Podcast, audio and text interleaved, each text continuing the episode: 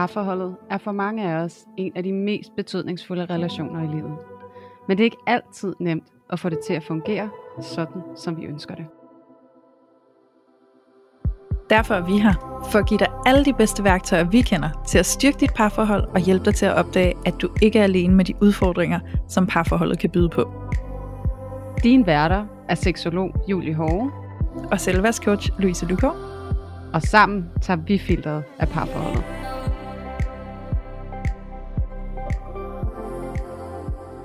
Hej og velkommen tilbage til endnu et fantastisk afsnit af Parforhold uden filter. I dag der har vi en gæst med helt over fra den anden side af kloden, som nemlig sidder i Miami, og vi glæder os vanvittigt meget til at præsentere hende. Men inden vi gør det, så vil jeg jo starte med at fortælle, hvad det faktisk er, vi skal snakke om. Og det, som vi kommer til at tage fat i i dag, det er, når vi kommer i et parforhold, hvor der er en stor aldersforskel. Det er der jo nogen af os, der kommer forbi i livet, og så er der nogen af os, der ikke gør. Og uanset hvad, så er min fornemmelse, at der ofte kan være rigtig mange spørgsmål til det at være i et parforhold, hvor der er en stor aldersforskel.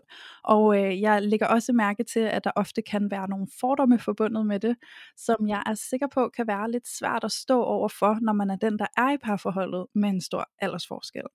Udover det, så er der jo alle mulige spørgsmål i forhold til, hvordan det kan fungere, når der er så stor aldersforskel. Kan vi få børn sammen, og hvordan hænger det hele sammen i hverdagen, når, når vi er så forskellige steder i livet, og så videre, og så videre. Ikke? Så, så der kan være rigtig mange spørgsmål også til sådan, øh, rent personlighedsmæssigt. Er vi for forskellige steder, og har vi forskellig modenhed, og så videre, og så videre, og så videre.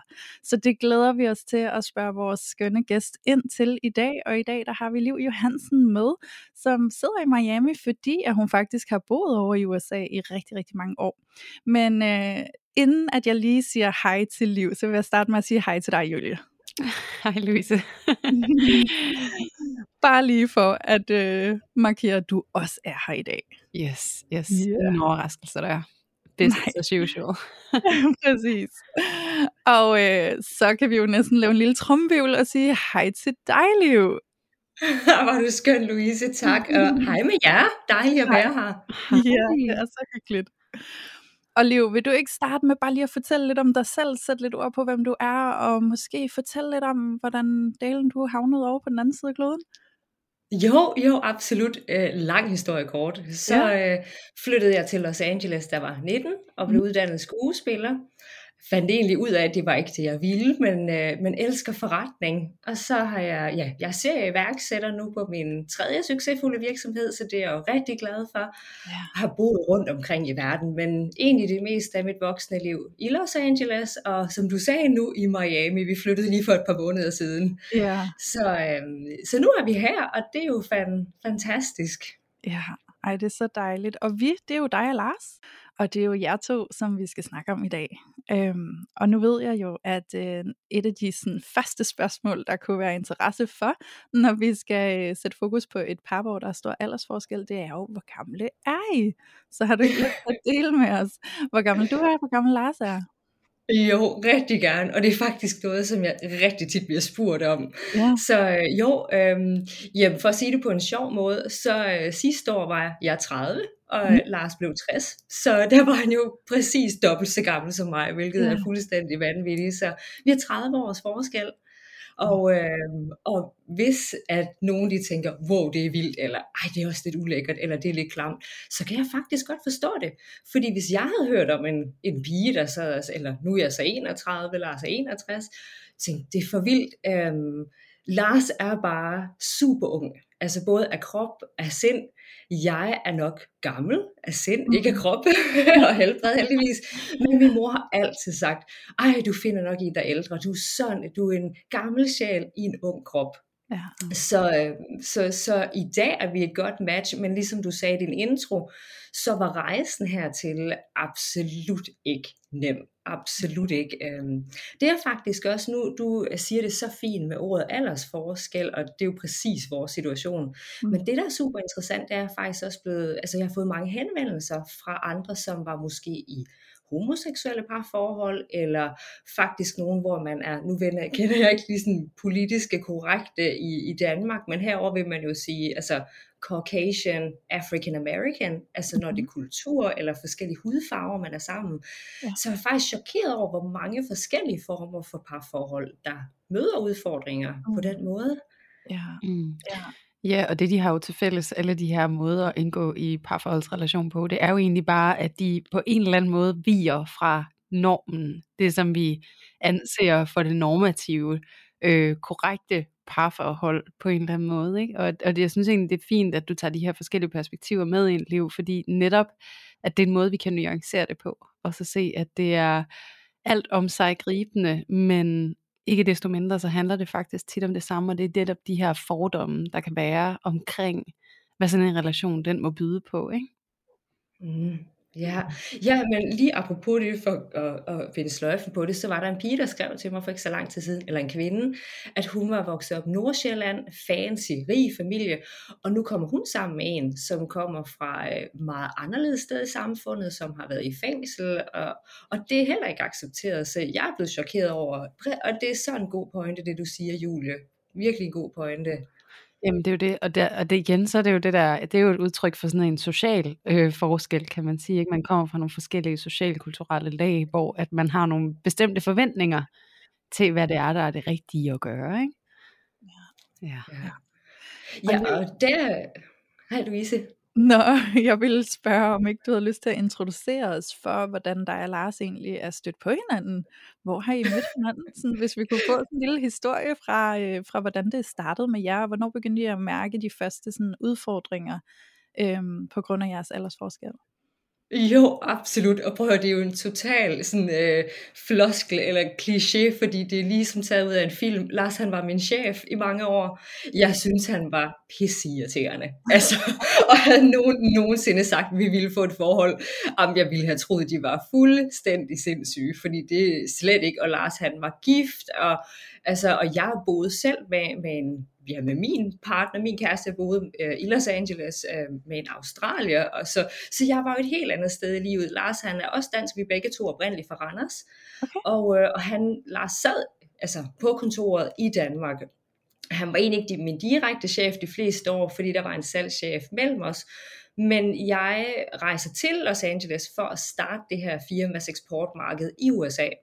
Så der har jeg mere kommunikation med ham, men synes som sagt, at han er pivirriterende. Mm. Altså han er super streng, han er bare, eller ikke streng, han er mere sådan straight to the point. Uh, en gang der fyrede han mig, altså for nogle år inden, og, og jeg ved ikke hvorfor. Uh, ikke fordi jeg vil sige, at jeg var nedladende, det er ikke fordi, at jeg har et problem med, eller havde et problem med at have en chef, men, men vi har grinet af det så mange gange, fordi at jeg sagde åbenbart til ham dengang, du ved slet ikke, hvor meget du kommer til at savne savne mig.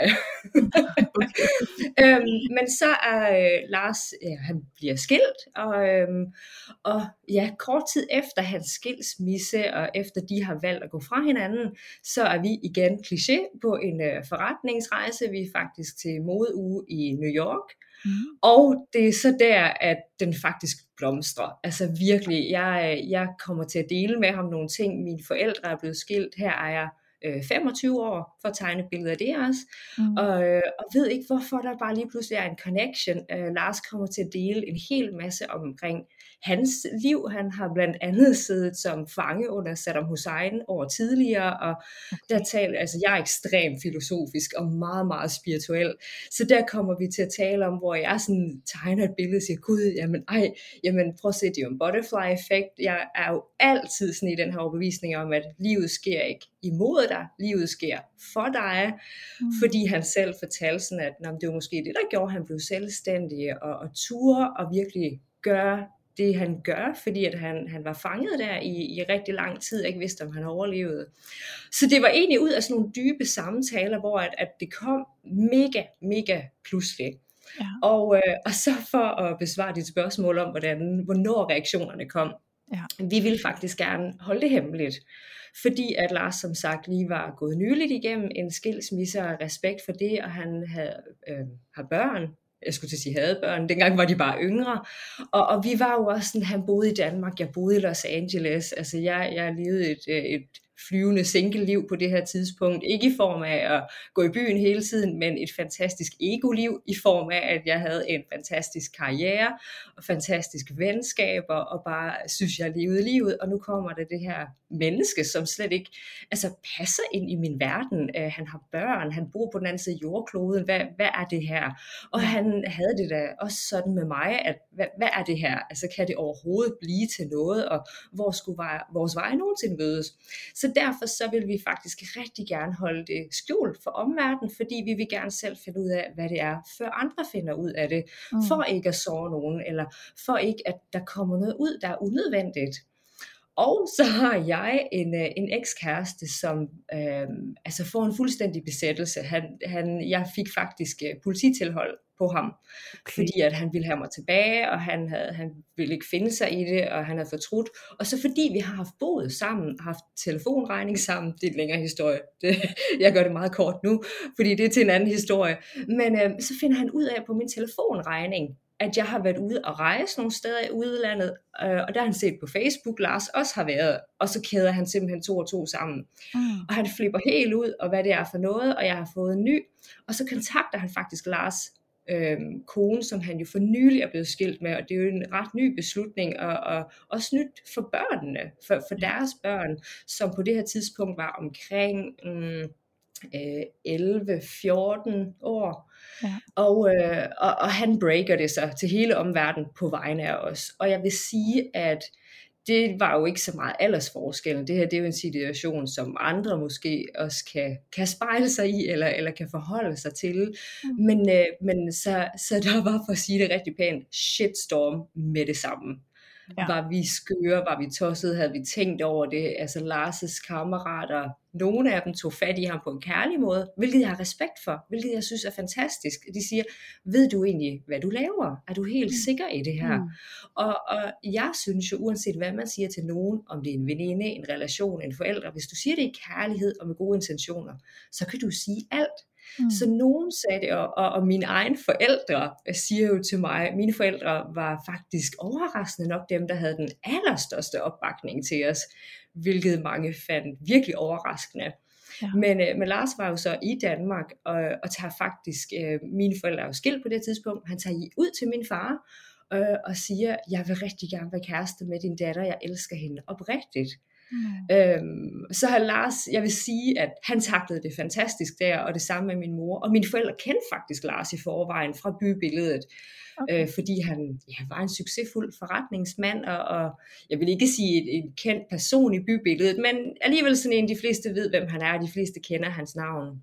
Ja. Så, så der gjorde han det fantastisk, men, men det skiller virkelig vandene, altså fordi, så det var jo den ene side, nogen reagerede sådan, hvor det var kærlighed, er du sikker, at det her det du vil, hvor mm. andre, det er klamt, og nej, føj, og hvad har I gang i, og puha, og fy for den, og nej, og, og det der er sket i mig, øh, jeg endte faktisk i terapi efter det her, fordi det var så voldsomt, ekstremt ja. voldsomt, men på det tidspunkt var jeg meget hængt op på, at jeg var den dygtige pige.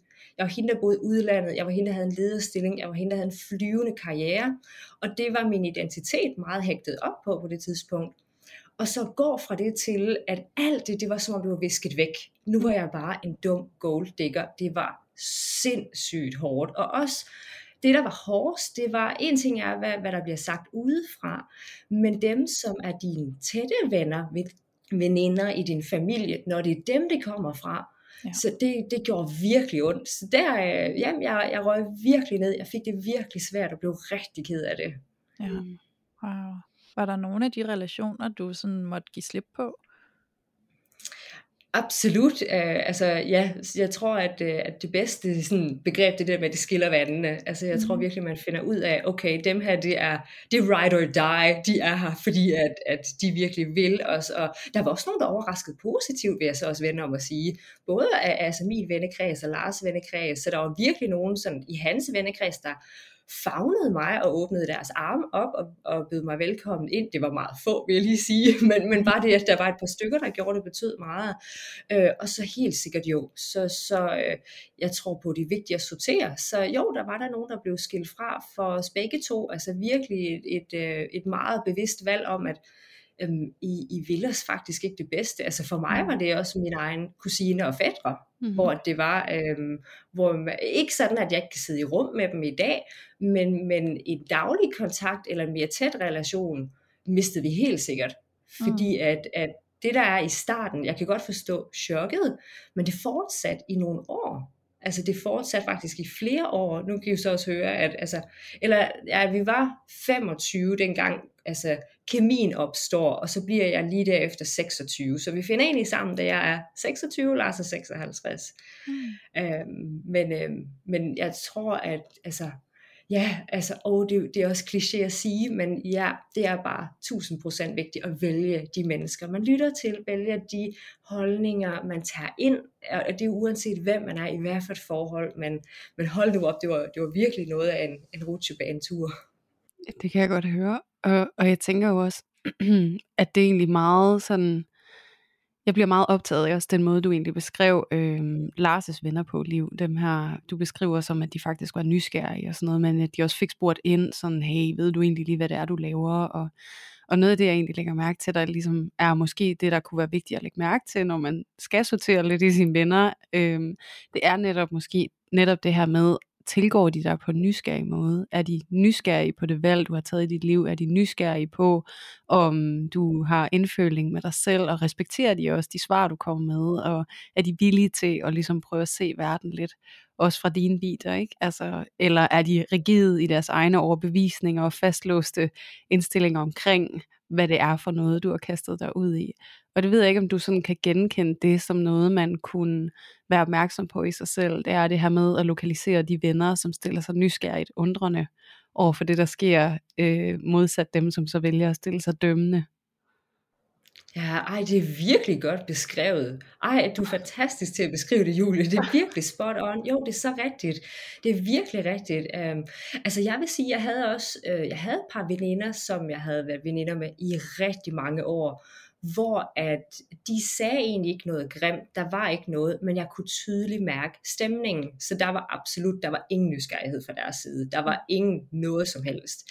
Øhm, og, der, øh, og der på et tidspunkt, der har, vi, øh, der har vi julefrokost, det har vi altid bare som pigegruppe, og vi er nogle få, der er tilbage, og der sidst på aftenen eller natten, og så siger de, ej liv, det må have været så hårdt, det du er gået igennem med Lars og jeg, og her har Lars og jeg altså været sammen i et par år, Mm. Og der, jeg havde, var bare indebrændt. Og det kan man sige, det, det var jo på mig. Det, det skulle jeg jo heller ikke have gået med på den måde. Og, og der siger jeg, ja, det var vildt hårdt. Men ved I, hvem der skuffede mig allermest? Det var jeg. I skulle have været der. Hvor var I henne?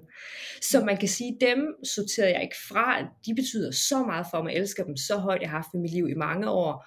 Der havde min reaktion så bare hobet sig op. Øhm, og hvis jeg havde været nysgerrig på mig selv, på min egen reaktion, lidt i et andet format, men stadig kender, hvad du beskriver, Julie.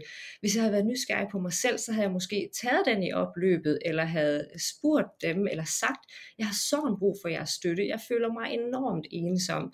Men, men det gjorde jeg ikke, altså jeg beholdt skuffelsen indeni, og der tror jeg også som mennesker, vi har et ansvar for at kommunikere vores følelser og tanker ud, for der er jo ikke nogen, der er tankelæser. Jeg følte bare, hallo, I må da kunne se, jeg lider her, hvad er der nu? Men, men jeg kunne ikke sådan sætte ord på det. Men lige tilbage til det, du nævnte med, med Lars' vennegruppe, jo, der var netop et par, der var sådan. Men, og det var jo fantastisk. Men det jeg ikke forstår, det jeg aldrig i mit liv kommer til at forstå, og, og nu har jeg jo firmaet Livnes, som er selvudvikling og især mindset for ambitiøse kvinder. Og der taler vi enormt meget om det her med at løfte hinanden og ved hinanden det godt. Altså ingen jantelov, men virkelig bare ren opbakning.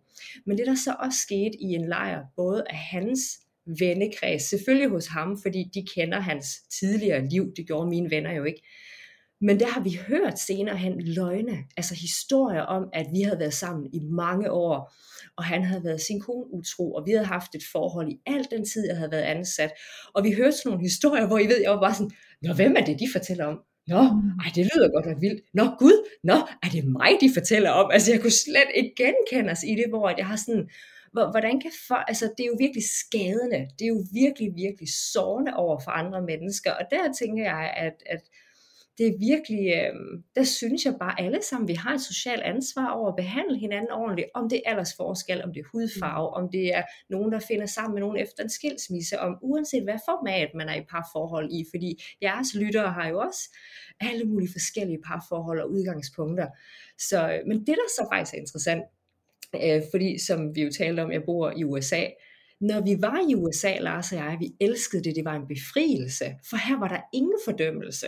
Hvis vi gik ud på en restaurant, eller hvis vi netværkede, hvis vi mødte nye mennesker, altså jeg glemmer aldrig sådan, det var mere i starten, hvor vi virkelig havde mødt den der sådan overvældelse af andres fordømmelse, og så kommer vi ud af et supermarked i USA, og så er der bare den flotteste ældre dame, sådan rigtig amerikansk, oh my gosh, okay nej, det var simpelthen en britisk accent, jeg lige kom ud med der, men hun var sådan, I så smukt par, og det havde vi bare aldrig hørt før. Så, men herover var der bare sådan en stor rummelighed, der var aldrig nogen, der stillede spørgsmål. Og i Danmark var det mere sådan, at vi kunne virkelig mærke janteloven. Vi kunne virkelig mærke det der, sådan at i starten, altså Lars ville ikke holde mig i hånden, fordi han synes, det var sådan flot over for mig, når vi var i Danmark, men når vi var herover, så var der ikke noget. Så det er jo virkelig også interessant omkring den, øh, jeg undskyld mig, skide jantelovskultur. Ja. Ja, der er en massiv kulturforskel, som helt klart også kan være med til ligesom at beskrive det her billede af, om mennesker de netop stiller sig undrende og nysgerrige, eller om de stiller sig fordømmende og begynder måske at brygge nogle historier. Og nu siger du sådan det her liv med, at du kommer aldrig til at forstå, hvorfor man gør det. Men ja, derfor så synes jeg jo måske netop, det kunne være interessant også at prøve at forstå det, fordi at det er også nogle gange, når vi så begynder at prøve at forstå, hvad det i virkeligheden handler om, at så kan vi godt fjerne det lidt fra os selv, eller det bliver i hvert fald måske lidt nemmere hvis det er, at vi kan putte det ind i en eller anden ramme, sådan at det kan give mening, det som folk går og gør, som for os overhovedet ikke giver mening, eller slet ikke virker støttende eller anerkendende i forhold til, hvor vi selv står. Og tit og ofte så er det jo også, øh, når mennesker går og finder på historier på den måde, eller går og brygger et eller andet narrativ omkring en men- et menneskes relation til et andet menneske, så kan det faktisk ofte være et udtryk for en eller anden form for at kaste skygger, eller projicere, eller måske står man selv i et parforhold, hvor man, man savner noget gnist, eller noget kærlighed, eller et eller andet. Og så er det så nemt jo, at så kigge over der, hvor at der sker et eller andet. Og så særligt, hvis det sådan ligger lige til højre benet, hvor at det, det bryder lidt med det, vi opfatter som det normativt rigtige, så står man jo altså virkelig først i køen til at få nogle, nogle skideballer ikke, i forhold til det, man har gang i. Og så det der med at brygge den historie omkring dem derovre, kan virke forløsende for en selv, der hvor man selv står. Fordi så er det måske ikke så slemt lige pludselig, der hvor man selv står. Men sandheden er jo, at det er jo virkelig sådan tissibukserne ting at gøre. Ikke? Øhm, og jeg tror egentlig, som, som det lyder også sådan, at det måske var sådan, du håndterer det liv, det her med, at du også vælger, hvem det er, du så vil lytte til. Altså, hvem er det, der giver dig en encouragement og løfter dig op, og så sorterer det væk, som, som har den modsatte effekt. Ikke? Og jeg tror bare, det er det eneste, man kan gøre, når man møder de der fordomme fra de her mennesker, og så se måske sådan, wow, kan vide, hvad der sker ind i dig, siden at det er et narrativ, du er nødt til at lave omkring min situation også har været medfølgende omkring, det må godt nok være et svært sted at være. Og jeg ved med mig selv, at det ikke siger noget om min situation, fordi det er der, jeg selv er ekspert, ikke? Ved du hvad, Julie, det, igen, jeg må bare tage hatten af for dig, det er virkelig godt sagt. Du har helt ret, det er der, jeg er i dag. Det var ikke der, jeg var i starten. Det bliver jeg simpelthen nødt til at sige. Ja. Og nu er jeg en kvinde, der har et firma, der handler om selvudvikling, og, og jeg bliver bare nødt til at være ærlig, at der var jeg ikke. Men jeg var 26 år, og kastet ind i en verden med den her voksne mand og, og børn, og hvordan håndterer man det her? Øh, og det er faktisk noget, øh, som du havde med i introen, Louise, det her med, når man også kommer fra forskellige steder i livet, mm. Mm. Øh, med at, øh, hov, altså, jeg er 26, jeg har lige mm. levet det her ego-liv i Los Angeles, altså hvor jeg bare har, har haft fuld gas på, og nu kommer jeg til Danmark, og nu skal jeg, hvad, hvad skal jeg være? Skal jeg være bonusmor? Ej, det er altså for ung til, det synes de også. Så, så jeg fik mere, især for hans datter, vi har et fantastisk forhold, jeg tror, jeg fik sådan en søsterrolle, Mm. Øhm, men øhm, men da, da jeg lige landede i det som 26-årig, jeg ville ønske, at jeg havde haft det perspektiv, Julie. Jeg ville nok også ønske, at jeg havde haft dig at snakke med. Det har været rigtig godt. øhm, men jo, i dag, der, du, der, jamen jeg er et helt andet sted, og det har lært mig vanvittigt meget. Og det kan også ske, at jeg ikke var kommet, hvor jeg er i min coaching virksomhed, selvom at det primært er for karriere kvinder, eller dem, der vil være selvstændige, men fordi det har lært mig så meget. Mm. Men, øh, men i forlængelse af, hvad du sagde, at jeg er virkelig sådan i dag kommet dertil, hvor at uanset hvad situationen er, så har sådan, at det de siger, om det er deres karma ja, det er hjemme i dem, ja, det fortæller noget om dem, det har slet ikke noget med mig at gøre.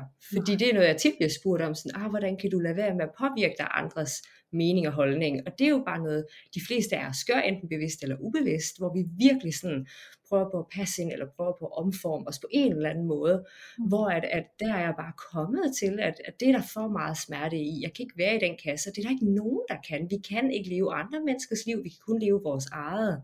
Så så længe vi ikke gør skade på nogen, så længe vi ikke sårer nogen, eller altså er respektfulde over for vores medmennesker, så synes jeg bare, at det eneste, der er rigtigt, det er at mærke sin intuition. Altså okay. virkelig mærke den. Og det var jo så også det, vi gjorde, der, der gjorde, at vi fortsætter vi, vi sammen i dag, og i dag har et fantastisk forhold. Vi var faktisk fra hinanden for halvandet år siden, øhm, hvor at, Mm, jeg ved egentlig ikke sådan, jeg ved ikke, hvis valg det var. Jeg tror, det var os begge to. Vi var, lige, vi var virkelig mødt sådan en mur, og så var det kommet op den der med børn rigtig meget, sådan, især mm. fra Lars' side. Han havde brug for at vide, hvad er din holdning? Vil du have børn?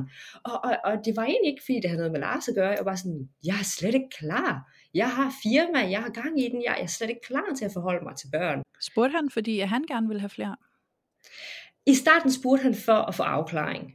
Fordi at nej, han ville faktisk ikke i starten. Det ville han ikke. Han, øh, jeg tror, han havde brug for at få afklaring for at vide, groft sagt, spilder vi hinandens tid. Mm. Og måske spildte han min tid, fordi hvis det var et ønske for mig, så ville han hellere øh, sætte mig fri der, så jeg kunne finde en anden, i stedet for at vi er sammen i mange år, og jeg så forlader ham, og det havde været hårdt, endnu hårdere, for så havde vi jo haft endnu flere år sammen. Ja. Men interessant nok er han i dag, hvor at det er ham, der står og trækker og siger, kom nu, vi skal have barn nu, og jeg vil gerne have det, inden jeg bliver for gammel, og det skal altså være nu, nu, nu. Så, så nu øh, vil vi gerne, men jeg er altså groft sagt, kunne jeg vente til jeg var øh, 40 med at få barn, så havde det passet mig super. Øhm, altså først der, der, der han tog fat i mig på, altså på en god måde, men, men for mig var det sådan lidt ud af det blå. Og, altså der er kvinder jo bare forskellige. Jeg er ikke sådan en, der er vokset op og bare har tænkt på, at jeg skal have børn, og jeg glæder mig til at blive mor. Sådan har jeg faktisk ikke været. Jeg har været ekstremt meget i karriere. Ikke fordi jeg ikke måske gerne ville, og ikke fordi jeg ikke kan lide børn, men det har bare været min rejse. Så, så der, øh, jo, altså han havde brug for at få afklaring fra min side ved at have børn. Fordi på det tidspunkt ville han ikke så så mente han jo, at det var en dealbreaker, og det er jo kun fair, at han spørger, fordi så han havde ikke lyst til at og hvad skal man sige, det lyder ikke så pænt, men kæmpe sig igennem de her kampe og blive ved med at kæmpe for det her parforhold og bygge på det her parforhold og, og indvige sig selv endnu mere i kærligheden, hvis der var en deadline. Det havde han brug for at få afklaring omkring. Og det havde jeg rigtig svært ved at finde ud af. Jeg havde rigtig svært ved at finde ud af, altså for det første vidste jeg, at jeg skal ikke børn nu, for der var jeg bare ikke i mit liv, og det havde ikke noget med Lars at gøre, der var jeg personligt bare ikke men nu skal jeg sådan forholde mig til, sådan, vil jeg have børn med Lars, og hvordan vil det overhovedet se ud, og så, altså jeg har ikke sådan tænkt på børn, så det var virkelig sådan, det var faktisk ret voldsomt, og, og igen, ikke noget mod Lars, for jeg kan sagtens forstå, at han spørger et eller andet sted, er da glad for, at han spørger, i stedet for, at han havde troet, at han bare sådan kunne fordække det, og, og, og så lade os se det på et eller andet tidspunkt. Øhm, men, men det var faktisk blandt andet med til, at vi, øh, at vi gik fra hinanden for et halvandet års tid siden, fordi at, at han var der, hvor at, Øhm, interessant nok er Lars en ekstremt stærk person, men han var så påvirket udefra. Altså han var bange for, om det ville være synd for barnet. Ved barnet kan det blive mobbet i skolen, men han har en gammel far. Er det, er det bedste far? Øhm, hvordan vil det her barn opleve det udefra? Vil jeg få for meget had? Så han var rigtig, rigtig meget ude i alle mulige andre. Alle andres tanker. Selvfølgelig også hans egen børn. Hvordan vil de reagere? Hvad vil de sige? Og det er klart.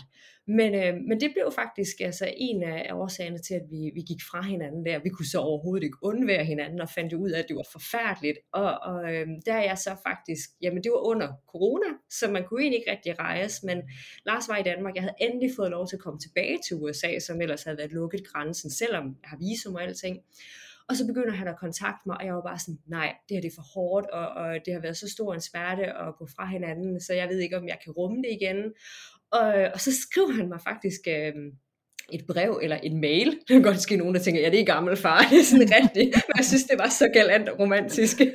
og så skriver han mig et brev, langt brev om, at han elskede mig så højt, og, og det ville være en stor drøm for ham, hvis vi lavede et menneske sammen, og det vil han rigtig, rigtig gerne. Og, øh, og det er jo fantastisk. Øhm, og så kommer vi jo selvfølgelig, obviously, til at snakke sammen, og nu bor vi sammen, og vi har det fantastisk. Og et eller andet sted, så tror jeg, at den periode fra hinanden har været den største gave, fordi nu tager vi bare ikke hinanden for givet, og vi har et helt andet sådan adfærdsmønster over for hinanden. Vi, altså, vi har fået et helt nyt forhold. Så, mm. øhm, og, øh, så, så jo, altså, jeg vil rigtig gerne have børn med Lars, og han vil også rigtig gerne have, have barn med mig, så jeg får mm. mange spørgsmål om, vil I det, og kan man tillade sig det, og, og der, der kommer der jo så rigtig mange nye spørgsmål op lige pludselig, kan man sige. Og et spørgsmål, som jeg får, det er netop det her, kan man tillade sig det? Kan man tillade sig at sætte sådan et barn i verden? Og der er jeg bare kommet dertil, ja, absolut. Det er i hvert fald det, jeg synes, det er min overbevisning, fordi hvis det her barn bliver sat i verden af ren, stor, ægte, oprigtig kærlighed, det får et fantastisk liv, det får nogle fantastisk opbakende, støttende forældre, jamen der er nogen, der desværre dør i et biluheld, når de er unge. Nogen de dør af en sygdom. Nogen, jeg har faktisk en rigtig god veninde, hvis man er jægersoldat, de har tre børn, og det var faktisk hende, der sagde til mig, jamen, Liv, når min mand han er i Syrien eller Afghanistan, og han er væk i flere måneder, kan han så tillade sig det, når han har tre børn? Der er ikke nogen garanti for, når du bliver forældre, at du bare er her for altid. Den garanti findes ikke uanset alderen. Er den større i Lars situation? Ja, selvfølgelig. Jeg er jo ikke blind for det. Jeg vil ikke være naiv og dum. Men jeg, jeg har virkelig taget den konklusion, at jo, selvfølgelig skal vi sætte et fantastisk skønt barn i verden sammen, og vores kærlighed den er så stor til hinanden. Mm. Men, øh, men det har jo virkelig også været, været noget, som vi har skulle tale om, og også bevis på, hvor forskellige steder vi er i vores liv. Og det er jo også, apropos Louise, din intro, det her med, at man er forskellige steder i livet. Ja. Og det internt mellem os, har det også givet udfordringer. Ja. Øhm, der har jeg følt et mindre værd, ikke fordi Lars han har haft øhm, påduttede mig noget, eller været nedladende, men jeg følte et ekstremt mindre værd, især i starten, fordi jeg har ikke den livserfaring, jeg har ikke den økonomi, han har. Jeg havde en god økonomi af min alder, men jeg har slet ikke den økonomi, han havde, så jeg kan ikke bidrage. Vi kan ikke, altså, det kan ikke være 50-50 i den her husholdning, fordi han har flere penge, jeg har, og det synes jeg var vildt ubehageligt. Jeg synes ikke, jeg var nær så intelligent, så jeg havde enormt meget mindre værd i det her. Så det, jamen der kommer jo bare konflikter, og der kom en masse og der kom en masse fra min side, hvor at, at, at Lars også i dag sådan ikke fordi han synes, at jeg direkte var barnlig, men der kom bare nogle situationer, hvor sådan, wow, nu, nu, nu kom der lige et skænderi, eller nu kom der lige et eller andet op her, var, var det virkelig nødvendigt. Men jeg vil sige nok, det sted, hvor at jeg mærkede det mest i en periode, det var faktisk karrieremæssigt. Altså Lars har haft en super god karriere, og, og har haft nogle succesfulde virksomheder, og, øhm, og jeg følte på et tidspunkt, når nu vil han bare hygge sig, og nu vil han bare spille golf. øhm, vi fik faktisk struktureret det sådan på et tidspunkt, at vi havde en virksomhed i USA, primært i New York, hvor vi havde øh, agent og sælger, og så boede vi i Thailand i et år og kunne styre det hele fra computeren. Og det var en fantastisk, vildt god oplevelse. Det var blandt andet, fordi jeg vil rigtig gerne studere buddhisme, så det var perfekt. Men der følte jeg, at han gik i stå. Altså, han ville bare gå og hygge, og han ville bare spille golf med sin kammerat, og bare sådan, hallo, skal vi ikke skabe noget? Hvor at han synes, at jeg, jeg kunne ikke bare sådan stoppe og nyde det. Jeg arbejdede 24-7, mm. men altså jeg arbejdede jo, fordi jeg synes, det var fedt. Jeg kunne ja. ikke lade være. Jeg havde sådan den der drivkraft. Så der, der kan man virkelig sige, at der fik vi også udfordringer, fordi jeg begyndte at synes, at øh, det er måske hårdt sagt for nogen, men jeg synes, jeg var ikke lige så tiltrukket af ham. Jeg synes, han begyndte at være irriterende. Jeg synes, jeg mm. begyndte at over, altså, opleve, at nu er vi ikke samme sted på den her rejse. Og han synes jo, at, at jeg var frustrerende, for jeg kunne ikke slappe af. Jeg kunne ikke bare lægge mig ned og, øh, og med en bog på stranden, og det er sådan en joke, hvis jeg har. Jeg, jeg kan bare ikke ligge på stranden, eller jeg gider i hvert fald ikke så lang tid i gangen. Men, øh, men han, han havde jo udlevet rigtig meget, og havde bare brug for faktisk at, at slappe lidt af og nyde livet. Og det, det, gav, det gav virkelig udfordringer for os. Altså, hvad gjorde I så? Liv er jo interessant, ikke? For det her med, at man måske kan forvente øh, helt naturligt, at der godt kan være en forskel i det der drive der. Altså fordi man er et andet sted i livet. Altså jeg kan da også bare, nu ved jeg måske, det er ikke noget sådan mere beundringsværdigt, men den her forskel, jeg selv mærker, bare fra jeg var øh, 20 til 30, ikke? Altså sådan, der, der sker jo et helt naturligt drop i den der øh, hvad kan man sige, øh, enorme drive, og den der med, at det hele skal bare køre på de høje tænder hele tiden, ikke? og det er jo ikke fordi, man er fuldstændig slukket, fordi man går fra 20 til 30, men jeg tænker, at der må være sådan et naturligt fald i det. Og så en ting er, at, at I oplever, at der var udfordringer, og I godt kunne mærke den der forskel i det drive der, men og du siger, at det giver konflikter, så, så er jeg jo vildt nysgerrig på, hvad gjorde I så? Altså, hvordan imødekom du det? At han lige pludselig virkede måske utiltrækkende, og, og han synes, at du var lidt for meget, og altså, hvad, hvad gjorde I? Jamen, godt spørgsmål. Set i bagspejlet, så øh, altså, vi har faktisk aldrig været i parterapi, og det ville jeg ønske, vi havde været. Og det er faktisk noget, jeg virkelig vil anbefale andre nu kan man så sige, når jeg ikke selv har været det, hvordan kan jeg anbefale det? Men, men jeg er sikker på, at det ville have været fantastisk for os. Vi havde en fantastisk øh, god ven, kammerat. Han havde faktisk haft en øh, klinik for parterapi i København, og han var sindssygt dygtig. Så han var selvfølgelig en ven, så, så absolut ikke på samme måde. Men han var rigtig, rigtig god. Øhm, apropos det, du sagde, Julie, med nysgerrighed, og det at spørge ind. Øh, nu er han også uddannet inden for det. Men øh, han, boede, han boede også i Thailand. Og han, han satte os faktisk ned, og så siger han, prøv lige at høre venner, I kommunikerer ikke med hinanden. Mm. Er I klar over, I ikke kommunikerer? Han kunne jo se, at vi gik sådan med hver vores frustrationer. Ja. Øh, og det var helt sikkert det. Altså, og det er mit bedste, bedste, bedste råd at kommunikere. Sæt ord på de følelser. Og nogle gange, så kan det ske, at man egentlig ikke... Altså jeg kunne, og Lars kunne heller ikke sætte ord på de følelser. Men da vi så begyndte at tale om det, så kunne han jo forstå, Nå, jamen selvfølgelig har du det drive. Selvfølgelig vil du gerne sætte dit præg på verden. Og, og nu er jeg også bare den her sådan, måske... Øhm, ikke fordi der er noget, der er rigtigt eller forkert, men jeg tror, jeg har et højere karrieredrive end, end mange andre, fordi også det her med at være selvstændig, og jeg er virkelig sådan, jeg skal bare sætte præg på verden. Og det var egentlig noget af det, han havde forelsket sig i ved mig.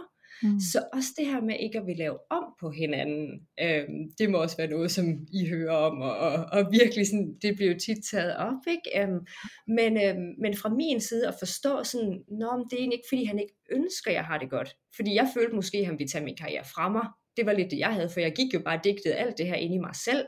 Mm. Men da han så får sat ord på, nej, jeg vil gerne støtte dig, der er ikke noget, jeg ønsker med i verden, end at se dig få den succes. Du arbejder så hårdt for, at du har virkelig fortjent den. Jeg har bare brug for dit nærvær, jeg savner dig, jeg føler, at vores kærlighed og vores forelskelse er blevet skiftet ud med, at det er dit arbejde, du er forelsket i, eller dit firma. Mm. Så, øhm, så det absolut bedste, kommunikation. Igen, måske kliché, men, øhm, men bare sindssygt, sindssygt vigtigt det var, det var det, der hjalp os. Og nu er det ikke sådan, at vi havde en samtale, og så var det hele bare godt. Det er ikke sådan, det skal lyde. Det var over en periode. Men, øh, men det er absolut det, der styrkede os, og det, der bare gjorde, at, at det blev rigtig, rigtig godt. Ja, mm. og jeg tænker også, at den kommunikation har været nødvendig i forhold til øh, det, jeg forestiller mig, der kunne være af pres fra omverdenen at det også påvirker jer internt imellem jer to. Mm, det her med at stå som øh, nyforelsket, og så er der så mange øh, holdninger fra omverdenen og kritik og alt muligt andet. Oplevede I, at det også kunne skabe nogle konflikter imellem jer to sådan internt? Absolut. Åh, oh, Louise, ja. du kan slet ikke spørge. jo, det må du rigtig gerne, men det er bare et godt spørgsmål. jo, absolut. Det var faktisk vanvittigt. Altså, vi rejste rigtig meget, og, og vi havde sådan en oplevelse af, og så ja, når, det tror jeg også på. Både en ting er, at du tiltrækker det, når du får en overbevisning, så begynder du egentlig også selv at, at selv realisere det. så det var sådan en ond spiral. Men vi faktisk havde den her, at når vi var i udlandet, så havde vi det fantastisk. Vi var forelskede, vi havde det godt. Når vi kom til Danmark, så skændtes vi. Så okay. blev vi uvenner, så fik vi interne gnidninger, og der gik noget tid, før vi sådan egentlig så det her mønster, men det hører jo tilbage til det, jeg faktisk sagde tidligere. Det her med, når vi var i udlandet, så følte vi os ikke dømt, så følte vi os mm. frie, så var vi bare dem, vi var. Mm. Når vi var i Danmark, når vi var hjemme, så følte vi, at vi skulle sådan passe på det her med sådan, måske vi holdt hånd på gaden, eller mm. måske sådan, vi, vi tog ud sådan, til hver vores venner, i stedet for at tage hjem til venner sammen, og jo, det skabte bare rigtig, rigtig mange gnidninger, vildt interessant, så det var bare det var virkelig sådan et billede på, hold nu op, hvad der sker inde i os. Vi kan jo ikke pege ud af, vi kan jo ikke sige, om det er udlandet, der er godt, det er Danmark, der er skidt. Absolut ikke, slet ikke. Det var bare virkelig sådan øjenåbende mønster, at når vi var hjemme i øh, lever på stejs hverdagen, eller øh, og nu er det altså ikke, fordi vi er fra Randers. Randers har et fantastisk dårligt ry mange steder. elsker Randers. Jeg tror, det er lige meget, hvor man er fra, hvis man især måske i mindre byer så er det jo lige meget, om det er Jylland, Fyn, Sjælland, udlandet, fordi jeg hører det jo også fra, fra rigtig mange her i USA, så det er jo ikke mm. på den måde. Men jo, det gav virkelig gnidninger. Og, øh, og til den der i dag, tror jeg ikke, jeg kan fortælle sådan præcis, hvorfor eller hvad der gjorde det. Men, men jo, det blev bare en afspejling, det der pres udefra, eller vi følte, vi skulle passe ind, og jeg følte især, at jeg skulle være noget, jeg ikke var, fordi når jeg kom til Danmark, så følte jeg, at jeg skulle så være den voksne. Jeg mm. gjorde mig mere voksen. Altså jeg seriøst, bogstaveligt talt. Jeg klippede mit hår af. Jeg havde det vildeste lange hår, jeg klippede der. Jeg fik en page. Okay. Altså det tænkte jeg jo ikke over på det tidspunkt, men jeg gjorde, hvad jeg kunne for at passe ind, når vi var der. Og, og jeg tror bare, at min sjæl, den sådan skreg indeni. Og så, så ja, øhm, den du er tættest på, det er jo nok den, man tager det ud over. Og så var det Lars, der fik de reaktioner.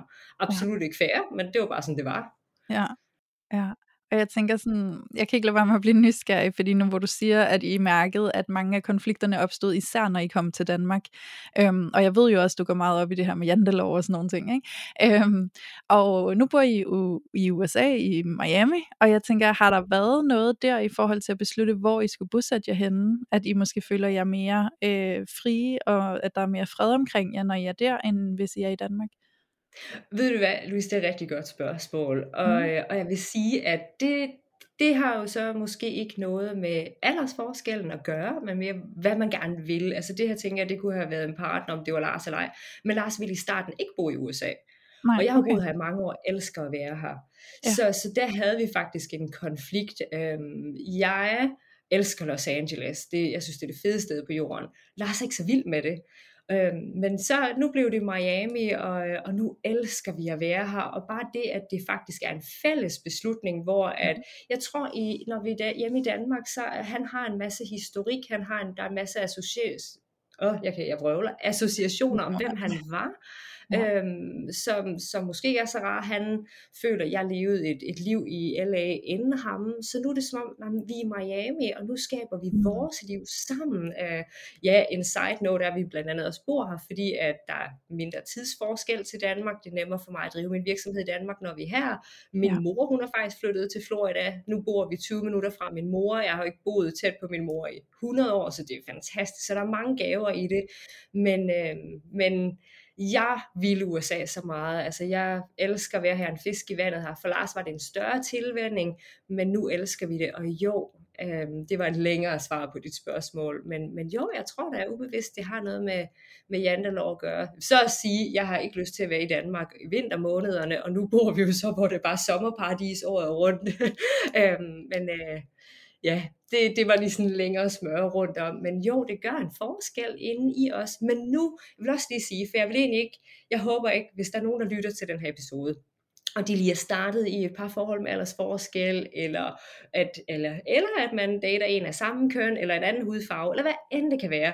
Det her det er jo absolut ikke et skrækscenarie. Altså jeg ønsker ikke, at nogen, der lytter det her, øhm, tager ind i deres bevidsthed, at de kan få samme oplevelse, så de tiltrækker det. Slet ikke. Altså, så jeg vil egentlig også gerne sige, at der hvor vi er i dag, hvor vi står så stærkt i os selv, jeg tror det der faktisk er koden, det er, at vi hviler i os selv nu. Jeg tror på, at et menneske hviler i sig selv. Hvis du hviler i dig selv, hvis du ved, du er et godt menneske, du gør det her kærlighed, du har gode intentioner, så, kan de ikke, så, kan, så er der ikke nogen, der kan rock the boat. Så er der ikke nogen udefra.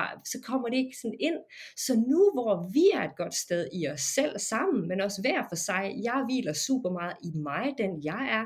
Jeg hviler meget i vores forhold, for Lars er det samme. Så nu kunne vi sagtens flytte til Randers og bo i Randers. Nu kunne vi sagtens bo i Danmark. Men nu er det et valg om at, at elske USA og solskin mm. og, og højt til loftet og alt muligt ja. andet. Ja. ja, og det er jo altså en væsentlig øh, skift, du t- i tale sætter der, Liv, det her med at gå fra at have et ydre fokus til at få et jeg-fokus. Altså, hvad er det, jeg gerne vil? Hvad er det, jeg bryder mig om og ikke bryder mig om? Og ligesom at være tro mod det, man mærker, ikke? Øhm, og så tænker jeg også, at, at man, hvis noget, der kan være rigtig fint det her med, også hvis man kan genkende det, du beskriver, Liv, det her med at, at have været underlagt rigtig mange fordomme og har været øh, stået i en position, hvor at det har gjort ondt, og hvor man har haft svært ved ikke at tage det ind og at tage det til selvreflektion. Øhm, og så måske igen vende tilbage til det her med, at det, altså det som folk de fordømmer en på, er ofte et udtryk for, hvor de selv står, og den utilstrækkelighed, som de selv mærker i deres liv, og og så kan man godt være tilbøjelig til at sige, altså, øh, øh, fuck dem, nu er det min podcast, så jeg må godt bande, ikke? øhm, man kan være tilbøjelig til at, sådan, at blive sådan lidt fandenivoldsk, og så sige, fuck dem, og de må rode med, med deres eget shit. Men, men der hvis man vil gøre det endnu stærkere for sig selv, så vil jeg faktisk anbefale lige her, at noget af det, du kan gøre, som også kan sende nogle gode bølger ud i verden til dem, som står og kigger på dig, det er at uh, kill hatred with kindness. Øhm, så i stedet for at blive fandenivoldsk, så det her med at, at kigge medfølende på dem, og være mild og være omsorgsfuld i, wow, at du står der og har, har sådan en impuls til at, at tænke og sige og gøre sådan, når du kigger over mod mig. Wow, det må være et svært sted at være, og også uden at man altså patroniser et andet menneske, ikke? fordi det kan se ud på mange måder, men, men at, at, at, og det der er roden i det, det er, at grunden til, at du gør det, det er egentlig for at forløse dig selv i den, den kritik, du står og føler, du skal være, tage ansvar på, eller, eller tage imod fra nogle andre mennesker. Og, øhm, og grunden til, at jeg har lyst til at sige det, det er fordi, at noget af det, jeg bare kan mærke, når vi taler om det her liv, og du deler din historie, det er jo bare, at noget, der virkelig gennemsyrer det her parforhold med aldersforskel, som jo egentlig ikke på særlig mange måder adskiller sig så meget måske fra et, et ganske almindeligt andet forhold. Men det, der adskiller sig, det er jo netop alle de her fordomme, som man virkelig skal stå på mål for. Øhm, og de her egentlige udfordringer, for eksempel i forhold til at få børn og sådan noget, det er jo noget, man kan tale igennem, og man kan møde hinanden, sådan som jeg hører dig i det. Men at det, der næsten er, er uoverkommeligt, det er, det er at skulle forsvare det over for de andre. Og det ved jeg ikke, om du kan genkende det. Altså det her med, at det er sådan et eternal struggle i det her aldersforskels parforhold. Ikke? Altså hele tiden at skulle forsvare sit forhold. Er det noget, du kan genkende? Ja, absolut, absolut. Altså jeg vil sige, at der hvor vi er i dag, nu er vi et sted, hvor at hvis nogen dømmer det, så føler vi ikke, at vi skal forsvare det. Vi har ikke noget at forsvare. Og det er et fantastisk frit sted at være. Så, øh, så jo, de første mange år var det det her, skal forsvare det, og sådan, måske endda føle nærmest, at skal bortforklare det det skal vi da ikke. Vi skylder jo ikke nogen, vi, vi skader jo ikke nogen. Vi er jo gode mennesker, øh, der er gode ved vores medmennesker. Så, så i dag er det en helt anden oplevelse. Altså fuldstændig. Altså hvis, hvis jeg havde vidst for nogle år siden, hvor godt det ville være nu, og hvor meget det ville være i flow, og hvor nemt det ville være, ej altså, havde nogen givet mig den krystalkugle, jeg havde været så lykkelig. Virkelig. Så, øhm, men, men som du siger, Julie, altså omkring det her indre, det, det er fordi, vi er anderledes. Vi er helt anderledes. Jeg er anderledes. Jeg tiltrækker det heller ikke mere. Jeg fokuserer ikke på det mere. Jeg lukker det ikke ind mere. Det har været den vildeste, vildeste hårdeste, mest fantastiske selvudviklingsrejse. Men jeg vil egentlig også gerne sige, at øhm, altså den her med at blive accepteret af andre, det her med, at ej, andre de må ikke fordømme det, og det gør ondt, når andre dømmer, og uha, den her med at vil passe ind, fordi det er bare sådan, undskyld mig, sådan er en universel følelse. Mm. Og, og der, det gav mig sindssygt meget ro dengang, at jeg dykkede ind i selvudvikling, og hvad er det egentlig, der sker her? Og det, det der er i vores biologi med, at frygt kommer op, og at for nogle hundrede år siden, jamen øh, især faktisk i vores kultur i Norden, at hvor farligt det var at skille sig ud fra mængden. Hvor farligt det var at, at ligesom uh, stick out. Altså hvis det var før i tiden, hvis du blev udskilt fra din landsby eller din stamme for lad os sige måske tusind år siden, så kunne du ikke klare dig selv. Kom der en sabeltiger, eller var der farlige dyr på færre, og skulle du måske jage selv, og når du kunne ikke sove, for hvem skulle så se efter dig? Så hvis du blev udskilt fra din flok, så var der en stor chance for, at du døde. Så den her indre biologiske frygtinstinkt, og så øh, ikke at man kan relatere det her til parforhold, men i Danmark har vi en kultur af, for ikke særlig mange hundrede år siden, hvis du skilte dig ud, for eksempel hvis du blev dømt som heks, så kunne du blive brændt på bålet, du kunne blive muret inde i en væg, mens du var levende. Og jeg ved godt, det lyder meget dramatisk, men vores krybdyrshjerne, vores overlevelseshjerne har jo ikke udviklet sig nok til det moderne samfund, vi lever i i dag.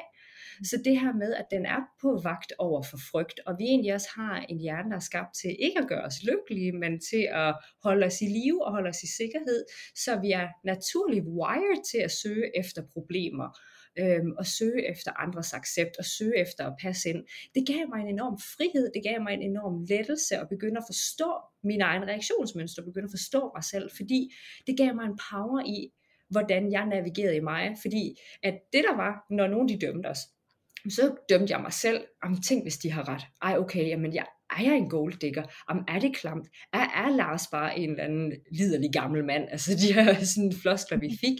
Øhm, og, og, og så derudover, så begyndte jeg at dunke mig selv oven i hovedet, fordi, jamen, hvorfor tænker jeg de her tanker? Og så var det jo bare sådan en nedadgående spiral. Så sådan at forstå det her, det gav mig en enorm frihed, og så træde over i virkelig bare at hvile i det. Og lede, i stedet for at lede efter fokusere på, fordi der var jeg, hvem kan ikke lide os, hvem skal vi acceptere os af? Nu er jeg virkelig kun i, ej, hvem elsker os? Hvem elsker vi? Hvor har vi det godt? Det er der, vi skal blomstre. Og det, det, det har gjort enormt meget. Ja.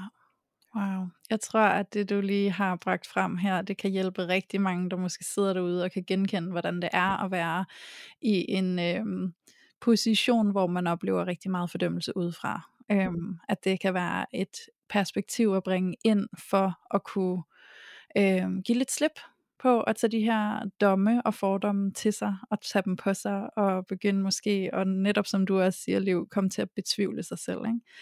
Øhm, og så egentlig bare vende det rundt til at sige, jeg vil godt kigge derhen, hvor at kærligheden er, og der hvor jeg ved, der er nogle mennesker, der elsker mig og kan lide mig, og så er det der, jeg sætter mit fokus, og det er der, jeg øh, spenderer min energi. Ikke?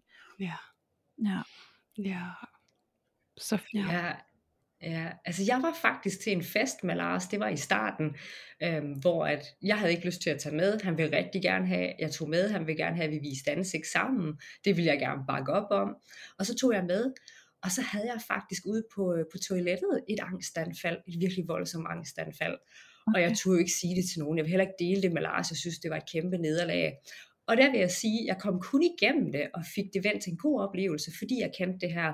Fordi så, så trak jeg virkelig vejret, altså ja. virkelig arbejdet med min vejrtrækning, og så spurgte ja. jeg mig selv. Og jeg ved godt, hvis, hvis nogen de er nye i det her, så kan det virke sådan meget voldsomt, men, men det hjalp i hvert fald mig rigtig meget, og hjælper også rigtig mange andre.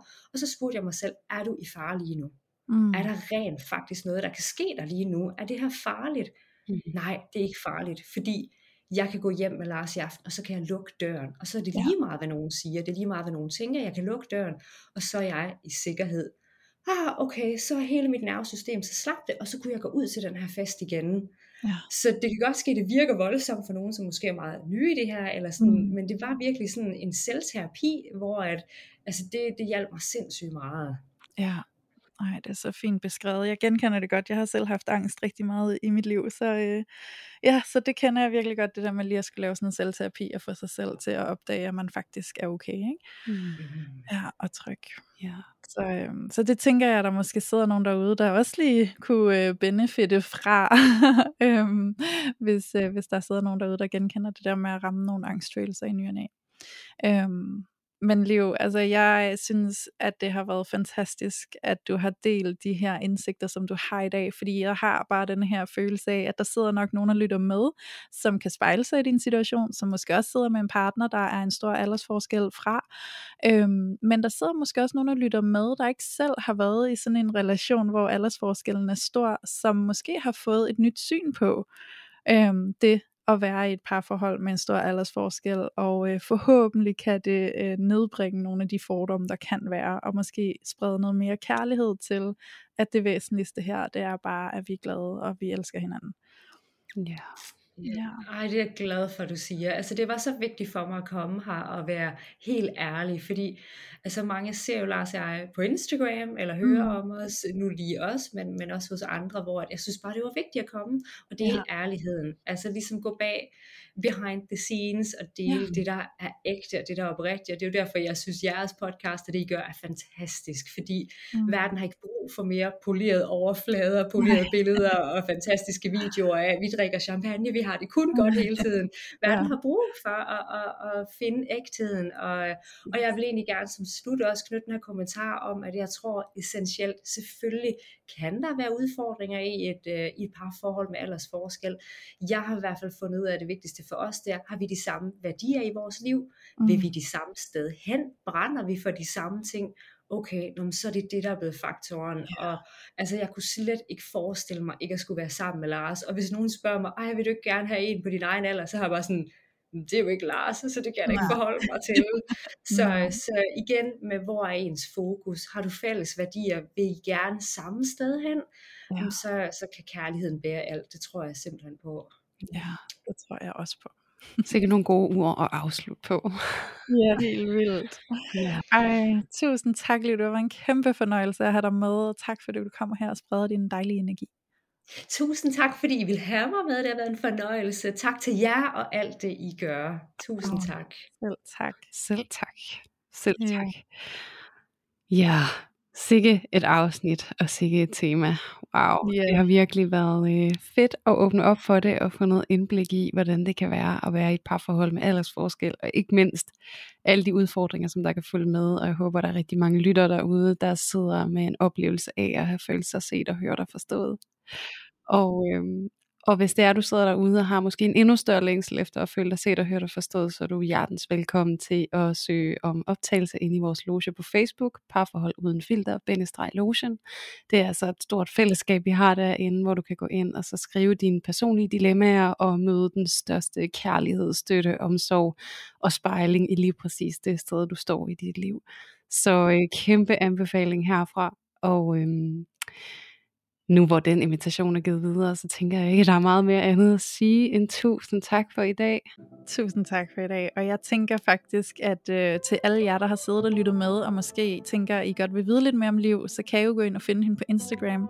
Vi skal også nok lige øh, linke til hendes Instagram-profil i teksten her til det her afsnit. Men ellers ja. Så hedder hun Livnes inde på Instagram. Yes. Og- skud ud til liv. Ja, yeah, lige præcis. Så, øh, så nu vil jeg ikke sige mere andet end tusind tak til jer begge to. Ja, tusind tak. Tusind tak. Og tusind tak til alle jer vidunderlige lyttere derude, der endnu en gang har været med til at tage filteret af parforholdet.